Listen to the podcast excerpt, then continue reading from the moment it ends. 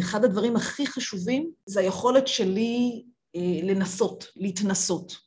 זאת אומרת, גם אם אני לא אוהבת משהו, אני מוכרחה לנסות אותו. ה-experience. הרבה אנשים אומרים לו, פה זה לא ילך, פה הבוס שלי לא יאשר, אין לנו כסף לזה, תקשיבי, אולי זה רעיון לקח מחברה אחרת, אבל אצלנו אין את התקציבים האלה, אין לנו את הזמן הזה, אין לנו את הזמן הזה. הרבה פעמים אנשים אומרים, לא הבוס, לא הזמן, לא הכסף, לא יאשר. ברוכים הבאים לפודקאסט של StoreMaven, Startup Fuck-Ups. אנחנו נארח כאן את המוחות המבריקים ביותר בסצנת ההייטק הישראלית, ונדבר דווקא על הצדדים הפחות נעימים של הדרך המקצועית שלהם. הכישלונות שהם חוו בדרך, איך זה עזר להם ללמוד, וכמה טיפים למאזינים. כישלונות בונים את הסיפור של כולנו. אז טוב שאתם איתנו, בואו נתחיל.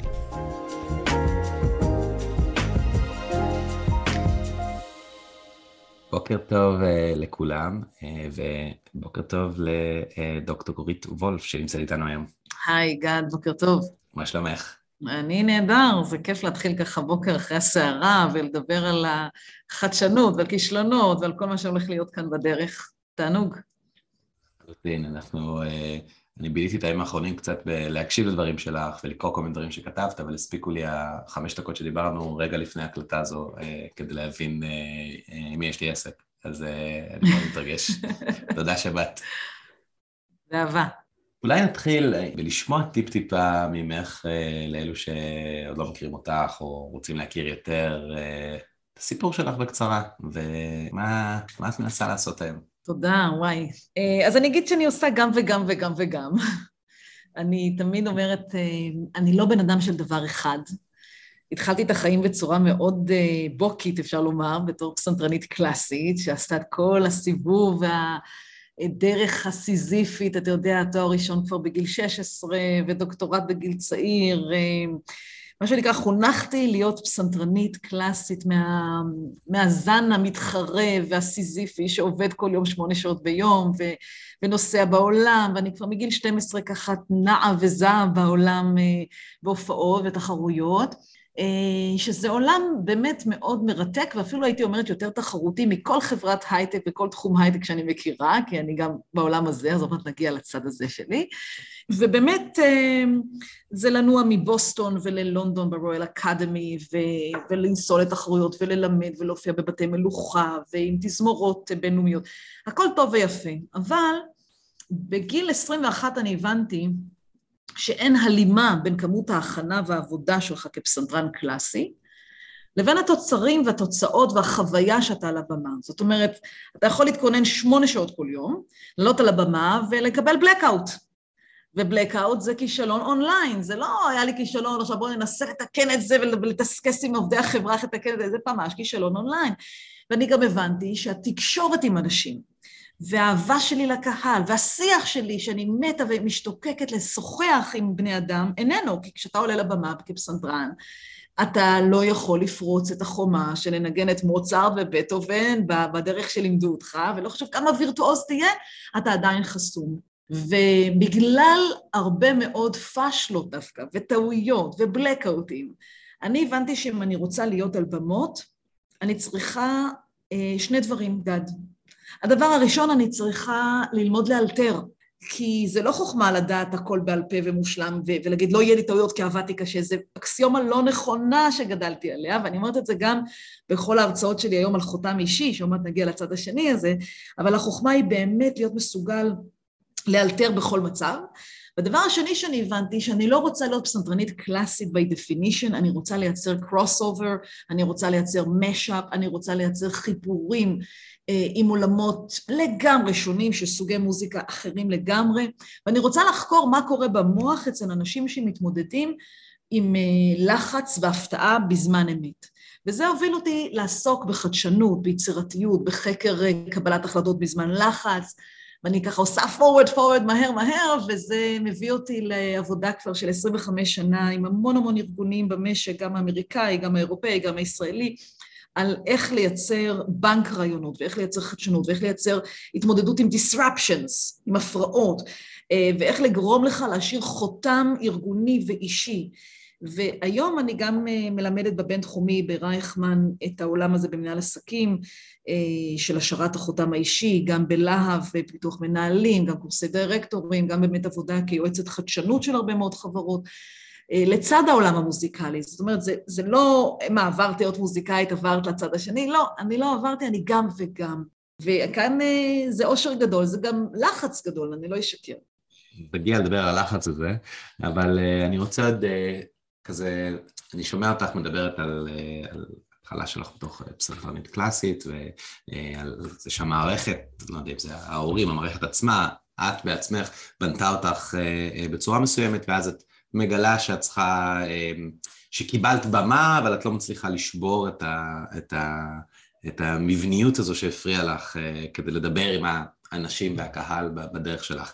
סתם מעניין אותי לדעת מה קדם למה, את ידעת שאת רוצה לדבר עם קהל והתחלת לנגן פסנתר מסיבות כאלו ואחרות, או שדווקא גילית את זה דרך המפגש שלך עם אנשים במוזיקה? שאלה מצוינת, אז אני אתחיל ואתחיל מהסוף. Uh, היום אני נמצאת במקום שלא סיפרתי לך עליו, שיש לי uh, כשבעת אלפים מינויים בסדרות uh, שאני יוזמת, פרייתי, שהן באמת באות להביא שליחות ולקרב אנשים למוסיקה באשר היא, לאו דווקא קלאסית, עם מיטב האומנים מכל העולם. באמת אנחנו עושים דברים מופרעים, אבל איך הגעתי לזה? הגעתי לזה בדרך הכי לא שגרתית. אני, אחרי לימודים שלי בלונדון, קיבלתי הזמנה ללמד באוניברסיטת תל אביב, באתי ולימדתי שם עשור והרגשתי על גג העולם. הרגשתי שאני מרצה הכי צעירה באוניברסיטה, בגיל 21 מקבלת משרה, לימדתי בתוכנית הרב-תחומית לאומנויות, היה לי סטודנטים מכל הקשת, מכל התחומים, מכל הפקולטות, מילאתי אולמות, הרגשתי, וואו, עושה חיל, אבל זה בולשיט גן. כיוון שיום אחד, אחרי עשר שנים של הצלחה, והייתי רק מרצה מן החוץ, כן? כי הייתי עם קריירה של הופעות, אז לא הייתי במסלול המחקרי העמוק של פרופסורה. יום אחד אני מקבלת אימייל גד מהדקן, סיפור שהרבה אנשים לא יאהבו אותו, אבל אולי רובנו כן אוהב אותו, והאימייל הזה כותב, שלום אורית וולף, אנחנו הרינו להודיעך כי עקב בעיות תקציביות של האוניברסיטה, נאלץ להפסיק את הרצאותייך ושירותייך באוניברסיטה. אפילו לא התקשרו אליי, לא זימנו אותי לפגישה, שלחו לי אימייל, פיטורין. ואני זוכרת שבאתי לסטודנטים שלי באוניברסיטת תל אביב, ובאתי ואמרתי, חברים, אני לא אוכל להמשיך, לצערי האוניברסיטה לא יכולה להמשיך את ההעסקה שלי מסיבות כאלה ואחרות, ואני מודה לכם, זו הייתה התקופה הכי משמעותית. ובאו שתי סטודנטיות אחרי השיעור, אמרו לי, אורית, את לא יכולה להפסיק את מה שאת עושה. ההרצאות שלך, התשוקה שאת שמה בנו, הסקרנות שאת מעוררת אותנו, החיבור בין עולם המוזיקה לאומנות, לחדשנות, אנחנו חייבים את זה. תעשי את מה שאת עושה באופן פרטי.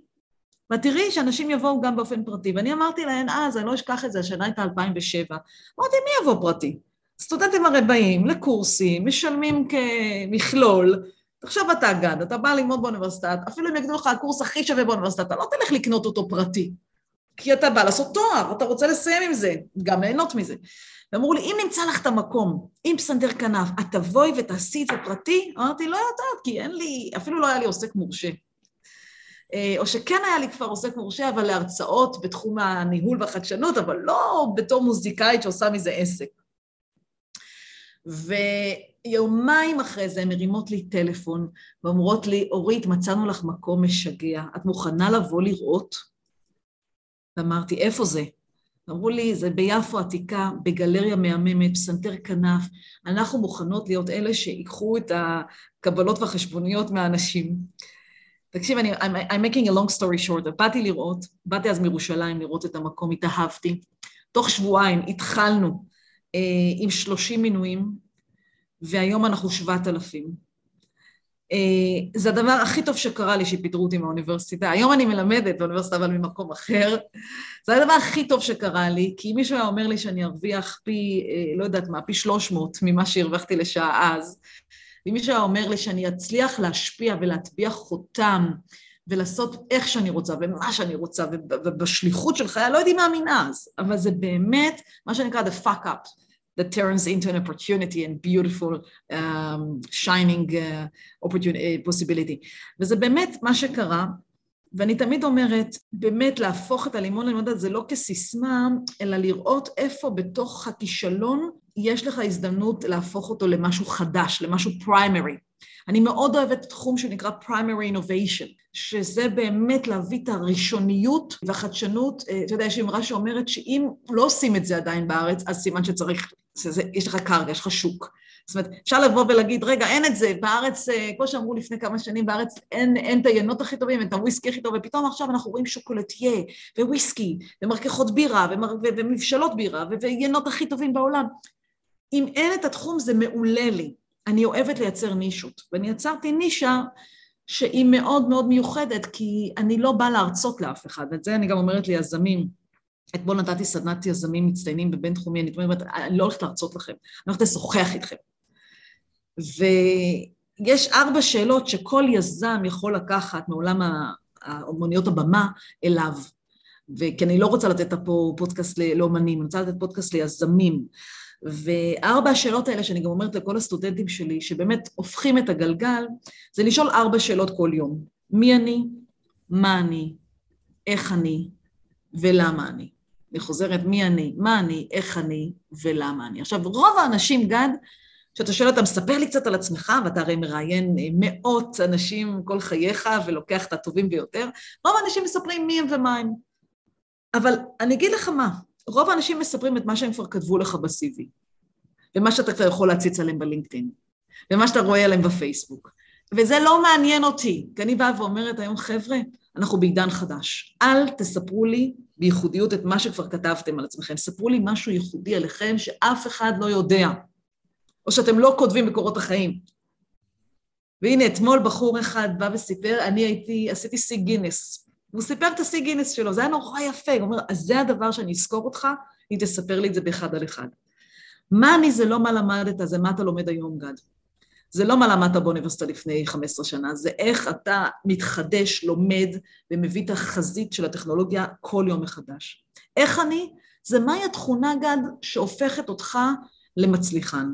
מהי התכונה שגורמת לך לשבור לבבות, ולא במובן הרומנטי, אלא בתחום של אה, להעמיס את המשקיעים הבאים, להעמיס את הלקוחות הבאים, ויש לך את זה. מהי התכונה? אם זה האמינות שלך, אם זה ההומור שלך, אם זה הסבלנות שלך, אם זה החדשנות שלך, אם זה הראשוניות שלך, אם זה המהירות תגובה שלך, מהי התכונה הזאת? ורוב האנשים לא יודעים אפילו מה התכונה העוצמתית שלהם.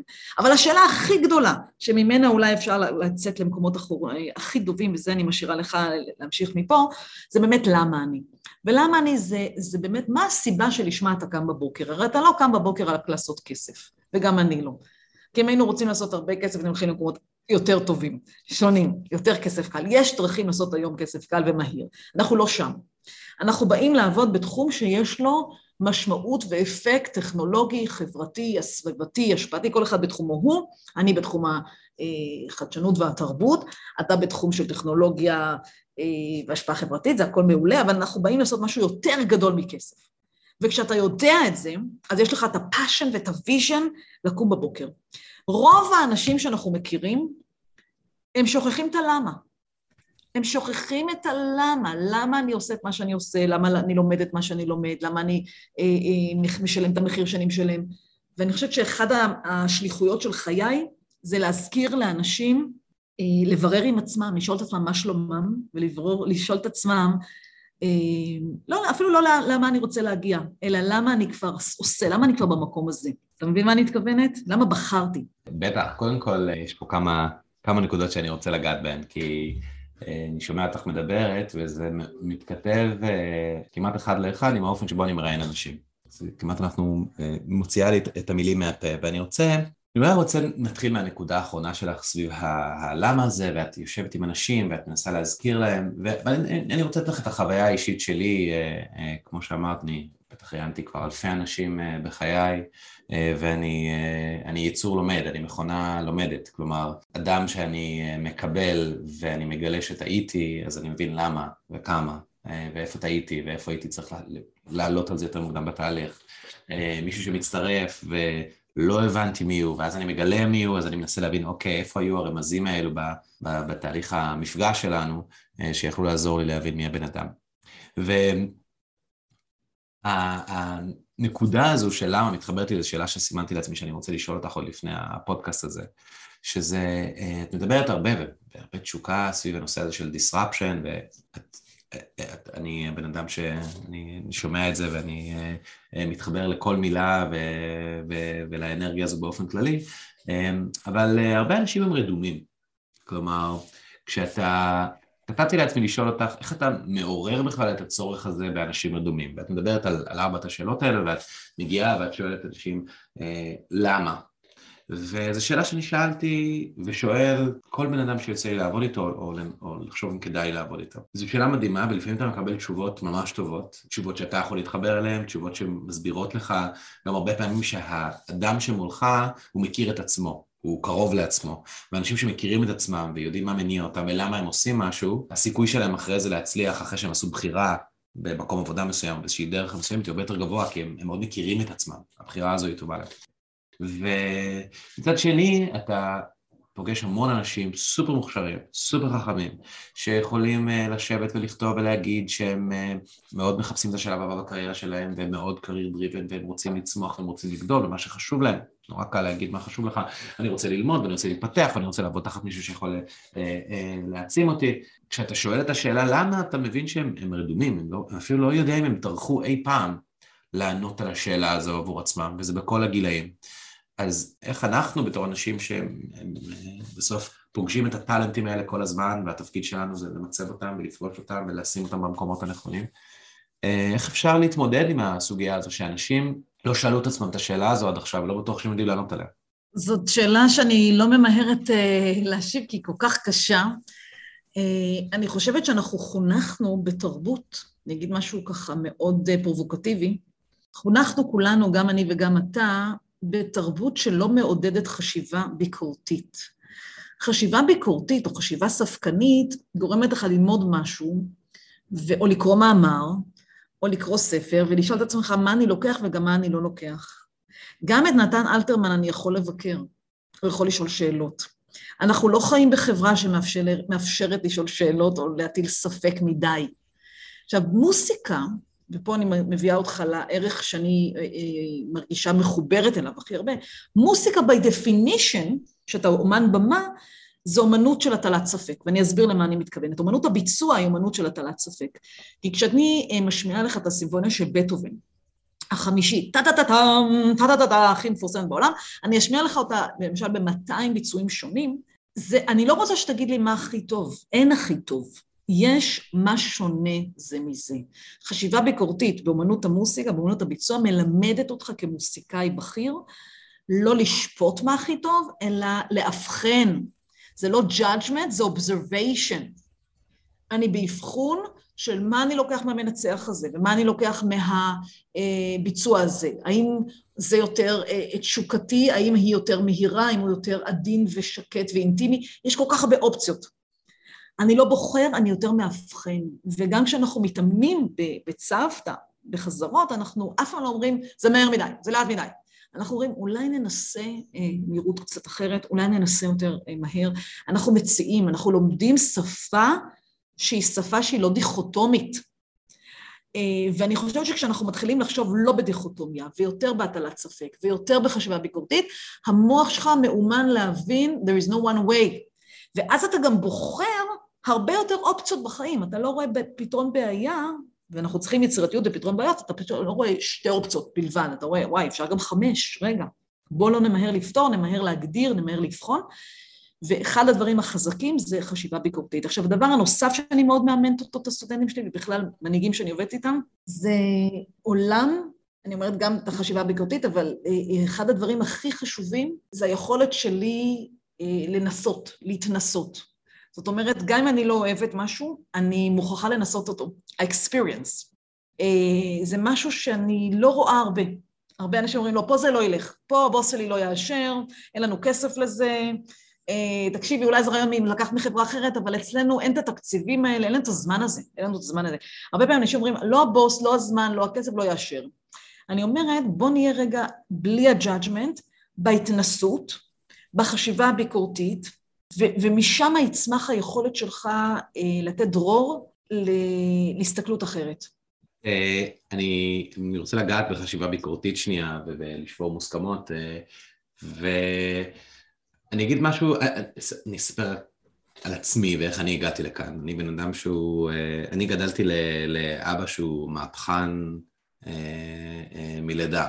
גדל בחינוך דתי, זה הגיע משם, ממקום של כאב, מקום של, שסגרו אותו ו, ו, ולא אפשרו לו בעצם אה, להיות האדם החופשי שהוא. אה, ואני מאז שאני זוכר את עצמי, אם יש משהו שלימדו אותי זה שמוסכמות הן אה, פיקציה. הם בסך הכל פרי התקופה, הם משהו, ש... הם, הם משהו שאנחנו לומדים עליו, אבל אנחנו בשום צורה שלא צריכים להסכים איתו. אבי עדיין מאוד מאוד קיצוני בהקשר הזה, אני בתור ילד בכיתה א'-ב', אז, אז כשכל החברים שלי שמעו אה, את זה שהמורה הוא אה, האדם שצריך להקשיב לו והוא יודע הכל, אז אבא שלי אמר לי, אה, המורים שלך טועים, הם יכולים לטעות כל הזמן, אתה צריך להפעיל את השיקול דעת שלך, אתה חי בקבוצה ואתה צריך לכבד את האנשים וכמובן לכבד כל אדם באשר הוא, אבל המורים הם לא אמת, המערכת היא לא אמת, המערכת היא, היא היא דורשת ממך להטיל בספק ולשבור אותה. ופה נשאלת השאלה, אמ, אני חושב שחשיבה ביקורתית והיכולת לה, לה, לה, לה, להדליק את זה אצל אנשים בגילאים אה, מבוגרים זה, זה דבר שהוא חשוב, קריטי, ובטח כשאת פוגשת אה, סטודנטים אה, בגילאים יותר צעירים אז, אז עוד אפשר להניע אותם יותר. זו אולי שאלה קצת מבאסת או כללית, אבל אני, אני חושב על איך אפשר לקחת את זה בשלבים הרבה יותר מוקדמים. אני מקפיד עם הילדים שלי, לשבור להם את המוסכמות כל הזמן.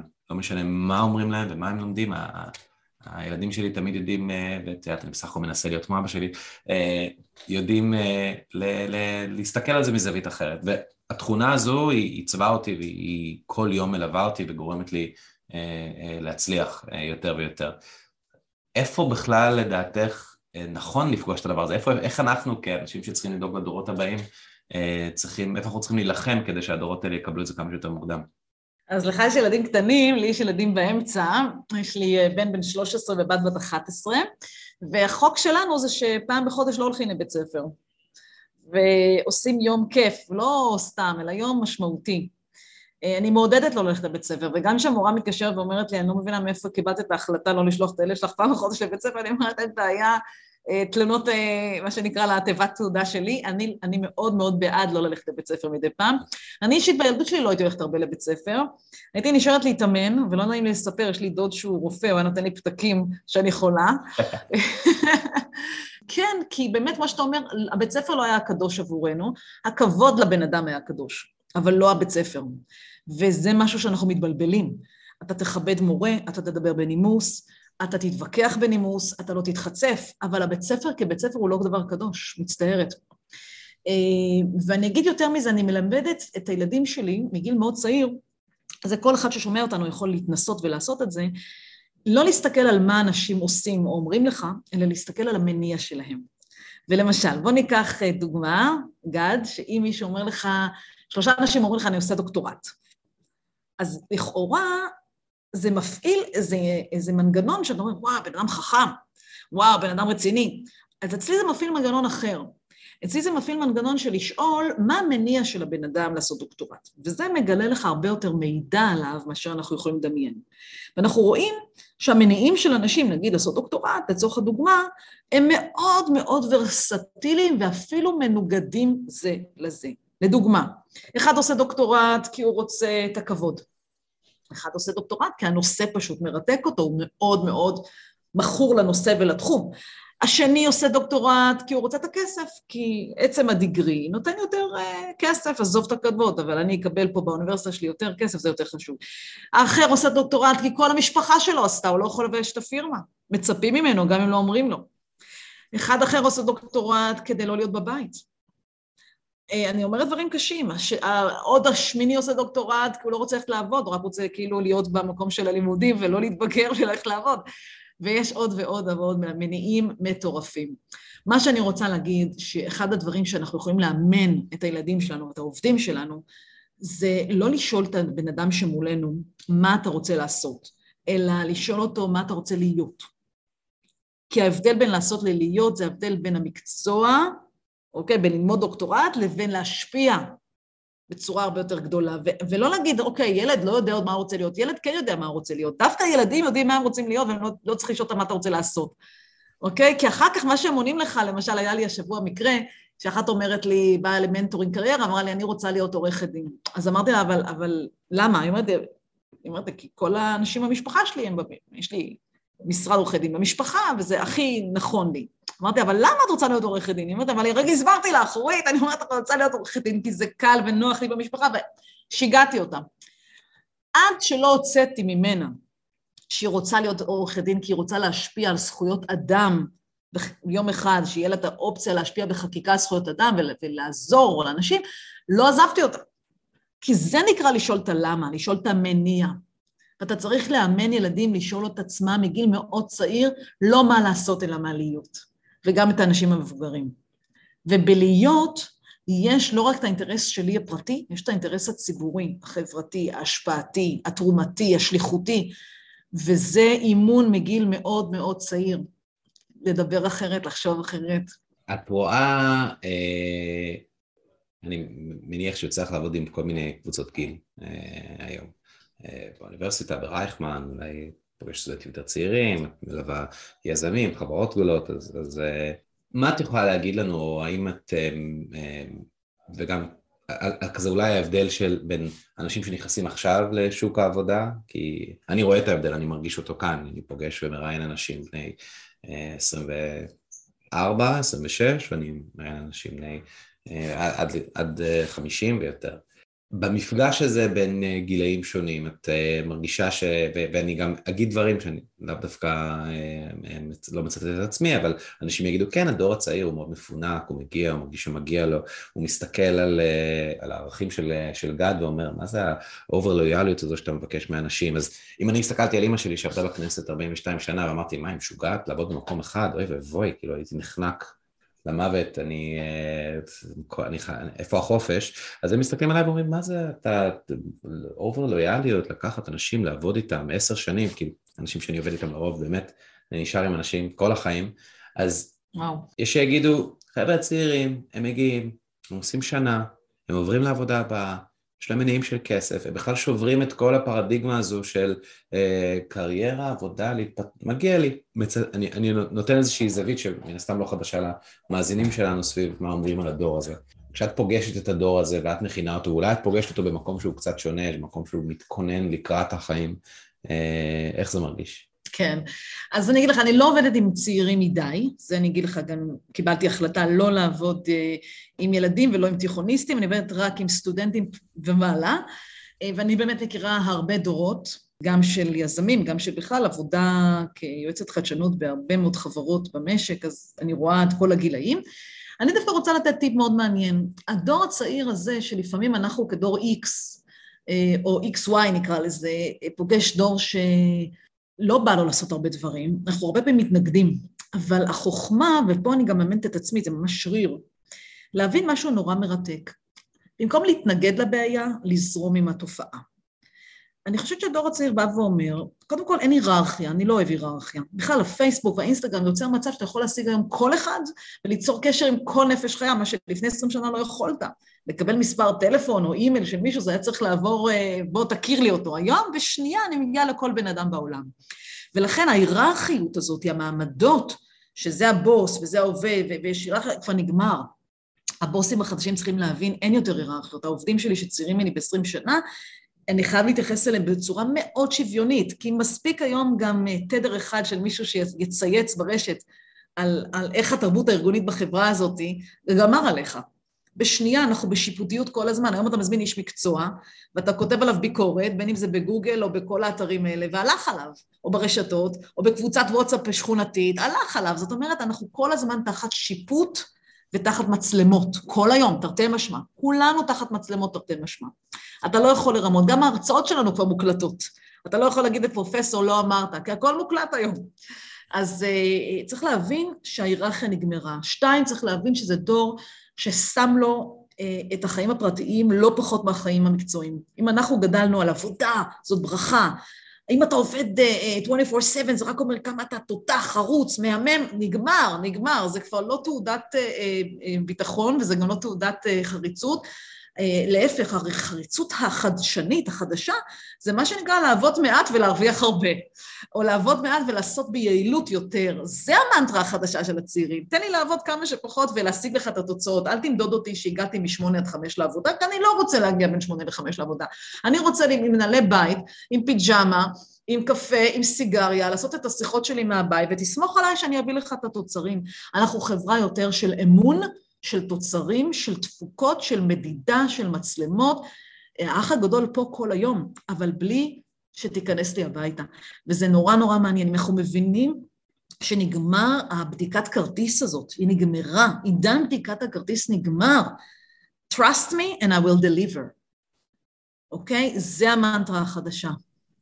כן, אני, אני מאוד מסכים, וזה גם מאוד, אה, כמו שאת אומרת, זה, זה, זה, זה זה שיר שצריך לעבוד עליו לאנשים שהגיעו אה, קצת מחשיבה אחרת ודור אחר, אה, וחשוב מאוד שנדע לעשות את ההתאמות הנכונות.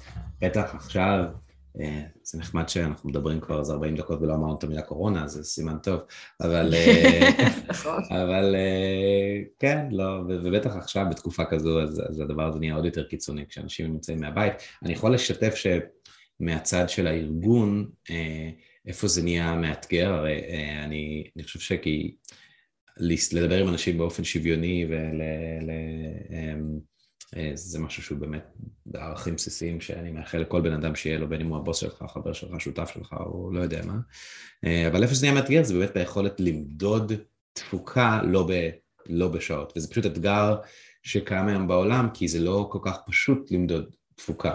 יש אנשים שמאוד טובים גם בלדבר על התפוקה שלהם ולמצב את עצמם, ונורא קל למערכת לשפוט אותם, אה כן, אה, היא עובדת מהבית, אבל אה, היא מפתחת נורא מהר, או היא מדברת נורא מהר, או... ויש אזורים שנורא קשה למדוד את זה, וזה זה, זה אתגר שאנחנו uh, צריכים לעבור דרכו um, סביב איך מודדים תפוקה בצורות מאוד מאוד יצירתיות, שהן לא גם איך רק... איך אתה עושה את זה? Uh, זה קשה, קודם כל, זה מאוד מאוד משתנה פר תפקיד. יש תפקידים שזה יותר אה, פשוט, יש תפקידים שזה יותר קשה. בסוף הניסיון הוא מצד אחד להצליח למדוד את הפעילות של החברה ואז את הפעילות הצוותית עם, עם איזה שהם יעדים מסוימים. שיעדים זה משהו שאחד הפידבקים שאני תמיד מקבל זה שאין פה מספיק יעדים, לא כולם יודעים בדיוק מה הם צריכים לעשות ואיפה הם צריכים לעשות ואיפה צריך לפגוע. ובאופי שלי זה תמיד אה, אה, עושה הרבה היגיון ומתנגש.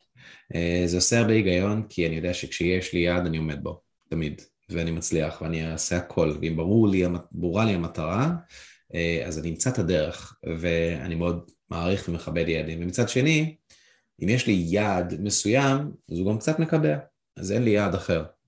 כי אם אני יודע שאני צריך להגיע מנקודה A לנקודה B, לא כל כך מהר אני אמצא את עצמי בנקודה C.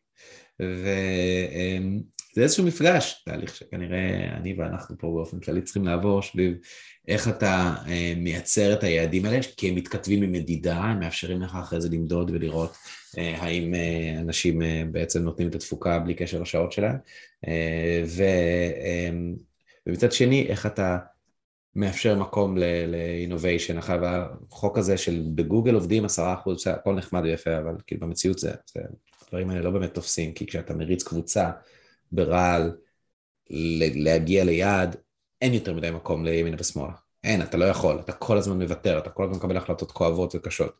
אז צריך, אה, אז, אז ההתמודדות היא מאוד מאוד אישית, היא באיזה מתח כזה של בין יעדים לחדשנות, אה, ו, ואנחנו מייצרים המון המון disruption באזורים האלה, אנחנו מנסים כמה שיותר גם לפתח טכנולוגיות, להשתמש בטכנולוגיות שונות כדי לאפשר לנו ולעובד להבין איפה הוא נמצא. ביחס לעבודה. מדהים. אנחנו אומרים פה באמת אתגר, זה אתגר שהייתי מאוד שמחה להרים אותו איתך ביחד, על שיטות חדשות למדידת תפוקה, ואיך אנחנו בכלל אפילו לא מודדים, קודם כל מחליטים מה, מה זו תפוקה, איך, איך מודדים תפוקה. זה נושא מדהים. אני חושבת שזה היום הדבר החם הבא בעולם הדיסרפשן והחדשנות, כיוון שזה כבר לא לעודד אנשים רק לחשוב מחוץ לקופסה, זה היה בשנות התשעים, דיברנו בשפה של בוא נעודד אנשים לצאת בקופסה, להיות יצירתיים, לחשוב אחרת, לעשות האקתונים, להביא רעיונות, נגמר.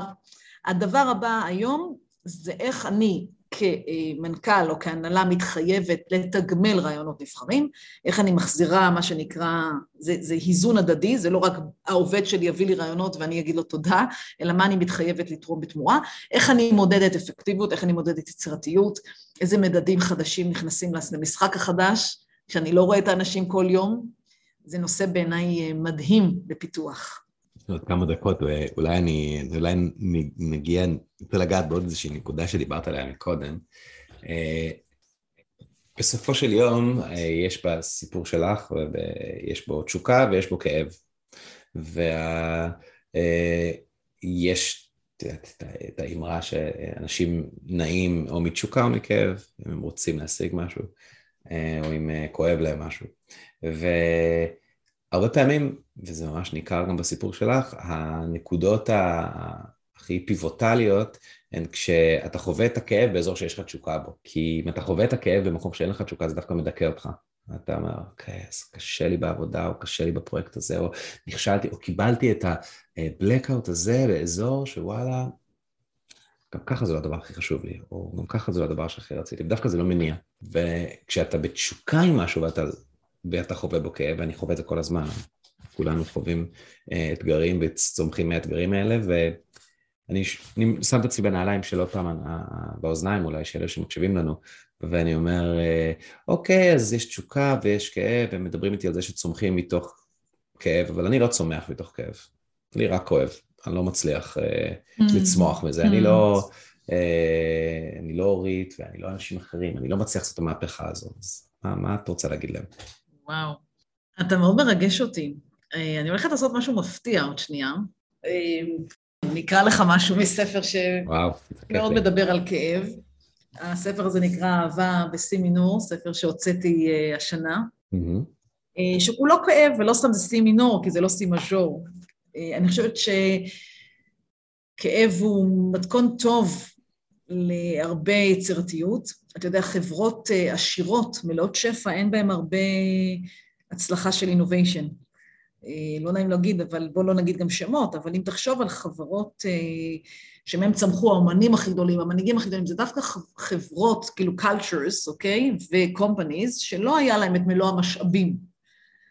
זאת אומרת, דווקא ארצות ו-cultures שיש בהם פחות כסף, פחות שלווה, פחות ביטחון סוציו-גיאולוגי, דווקא שמה אה, מתפתחות תרבויות ועשייה וחדשנות אדירה. מה שנקרא יצירתיות בתוך מגבלה, אני מאוד אוהבת ללמד את זה. אני לא מאמינה יצירתיות בלי מגבלות.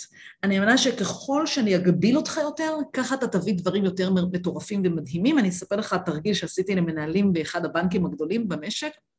נתתי למנהלי סניפים תרגיל משבוע לשבוע, אמרתי, יש לכם 100 שקל לעשות שינוי בחוויית לקוח בסניף. כולם התמרמרו, גן, אמרו, מה 100 שקל? מה מפגרת, מה אנחנו נעשה עם 100 שקל? אמרתי, זה התרגיל, להביא חוויית לקוח משמעותית בשינוי של 100 שקל לשבוע, לא ליום, לשבוע. אה, ואנשים אמרו, תקשיבי, ניסינו, שברנו את הראש, לא הצלחנו, אבל הייתה מישהי שם, מדהימה, שאמרה, אני דווקא כן עשיתי שינוי, והיא צילמה, והראתה וידאו. היא קנתה חמישה קילו תפוזים, קנתה מגבונים לחים, עלה לה הרבה פחות מ-100 שקל, הביאה מהבית קרש סכין ומסחטת מיץ תפוזים ועשתה שלט. כשאתה מחכה בתור, תפנק את עצמך במיץ תפוזים טבעי ובריא. אנשים, היא צילמה אנשים מחכים בתור. עכשיו, עד שאתה חותך את התפוז ואתה סוחט לעצמך ומנקה את הידיים מהגבון, זה כבר עבר לך ארבע דקות. וזה היה ארבע דקות של מה שנקרא sheer uh, surprise, מה שנקרא הפתעה מתוקה, בריאה, נחמדה, מצחיקה, משעשעת, וזה פחות מ-100 שקל. ואפשר לעשות שינוי. הכסף הוא לא המדד, אז כך שכאב אה, הוא צומח מחברות של מגבלות, ואני מאוד אוהבת תרגילים של יצירתיות מתוך מגבלה. אני גם המון המון אה, אה, כאובה, למרות החיוך שלי, ואני חושבת שאחד מסמלי האיך שלי זה החיוך והשיניים החשופות והגדולות שלי, אבל אני מאוד אוהבת אה, אה, להגיד גם שהאושר והעצב מבחינה פיזיו, נוירופיזיולוגית נמצא במוח הקדום באותו מקום. זה נקרא נקודת התגמול, המוח הקדום יש לו את מרכז התגמול, מרכז הגמול, שזה המקום של העונג ושל הכאב, הם ניזונים מאותו מקום נוירולוגי במוח, זה די מדהים.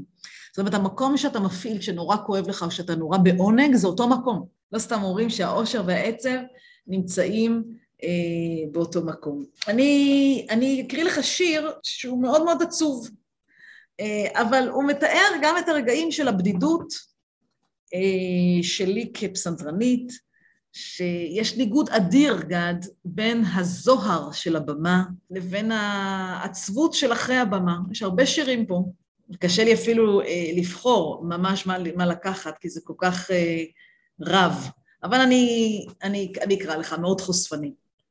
רק לפני שעתיים רחן הגוף על הפסנתר. רק לפני שעתיים הייתה מלכה, ועכשיו פותחת את דלת ביתה, נחושה לחזור ולהיות פשוטה, ממלאת דלי מים ומגב בידה. כלום לא יכלה לגנוב עוד שעה זהובה של חסד, ואין כינור ראשון לחבקה, והיא מנקה ומתנקה מהפאר, מהגדולה. שיר כואב, שיר קשה, אה, שיר שהיום אני, היום אני כבר לא לבד, והיום כבר יש כינור ראשון לחבק אותי, אבל אה, אני מראה לך איך הרבה פעמים את מרגישה מלכה עם שמלת אורגנזה לבנה ו-500 אלף איש מולך, ואת שולטת ככה בקהל בעוצמה, ואחר כך הרגעים של אחרי זה שאני רוצה להרגיש רגילה, אז אני הולכת למלכת הבית ב-12 בלילה אחרי הופעה. כן. אני יכולה להגיד לך שהשיר הזה השפיע כל כך, שאם תרצה, אז אני אשמח לשלוח לך שיר, את השיר הזה בהלחנה של הפסנתרנית המשוררת חני דינור, שיש לי הקלטה במיוחד אה, מאירוע ההשקה של הספר, שהיא הלחינה את השיר הזה, ושרה אותו, ומנגנת אותו, ומספרת על כמה היא מזדהה עם הכאב הזה, והניגודיות. אולי נסיים ונגיד שאנשים שהכי אותי מרתקים, זה אנשים של קצוות. אני מאוד מפחדת באנשים מאוד מאוזנים, כי אני חושבת שאיזון ובלנס זה בינוניות לפעמים. אה, וגם זו ההטעיה הכי גדולה, כי אם, אם אתה רופא עכשיו ואתה מתמחה, ואתה לילה אחד לא ישן, ולילה שני ישן 12 שעות, אז כביכול נראה סבבה, ממוצע שש שעות ללילה, זה נראה נורא נורא רגיל. אבל זה לא נכון, ממוצע הוא מסוכן. ממוצע זה מסוכן, אנחנו צריכים להיזהר מזה. לפעמים הבלנס הזה של אנשים שאף פעם לא מאחרים, ועובדים תשע עד חמש, ותמיד יש להם נייר טואלט בבית, ותמיד יש להם מים מינרליים, הכל מסודר, והאוטו שלהם מצוחצח, הם מלחיצים אותי. אני יותר מחפשת היום את האנשים של הקצוות, שיש להם, הם, איך אמרת, שלימדו אותך בילדות, לצאת מאזור הנוחות, לא לקבל דברים כמובן מאליו, לא, אה, לא לראות דברים של תקרות זכוכית שקבעו לך, אין מוסכמות, אין מוסכמות. אני מאוד אוהבת אנשים ש they challenge את המוסכמות של חייהם. אז אל תפחדו מקצוות. דרך הקצוות אפשר להגיע ל balance אורגני, לא מלאכותי, ואת זה אני מחפשת. אין דרך אה, טובה יותר אה, מזו לסכם את השיחה הזו. קודם כל היה לי כיף, את יודעת, אני יכולתי להמשיך עוד שעות. אה, אבל אנשים צריכים להגיע לעבודה וצריכים להתחיל את היום שלהם. אה, גם לי היה מאוד כיף ומאוד שונה ומאוד אה, מאוד עמוק, ישר, בלי הרבה רעשי רקע. איזה כיף לשמוע. אז קודם כל תשלחי לנו את השיר, גם נוסיף אותו לפודקאסט שאנשים פה יוכלו לשמוע. ואולי המאזינים שלנו רוצים לקרוא עלייך יותר, לשמוע עלייך יותר, מה הם צריכים לעשות? כן, אז קודם כל אתם מוזמנים לאתר שלי, זה אורית וולף.קום, כמו השם שלי, O-R-I-T-W-O-L-F. יש לי גם פודקאסט שנקרא אורחים בכפכפים, שאני מראיינת את הרגעים שמאחורי הקלעים, אומנים, אה, מנהיגים, אה, אנשים מכל הקשת שאני מזמינה אתכם, באמת דן אריאלי, זה הפודקאסט הראשון, נתן דטנר, סנדרה שדה, אה, מתמטיקאים, אני מזמינה אתכם. ומוזמנים גם לכתוב לי, כדי באמת להכיר את, ה... את העשייה, את ההרצאות, את המופעים במוזיאון תל אביב, תיאטרון ירושלים, מוזיאוני חיפה, בכל הארץ. אה, אני אשמח לראות אתכם בכל הקשת. מעולה. תודה רבה לך. כן, מזמינה אתכם גם לצפות בהרצאת הטד, להשאיר את החותם האישי, אה, פשוט באינטרנט, אורית וולף TED. לגמרי, מאוד נהניתי ממנה. אה, תודה רבה לך, תודה רבה לכם. תודה רבה, גן.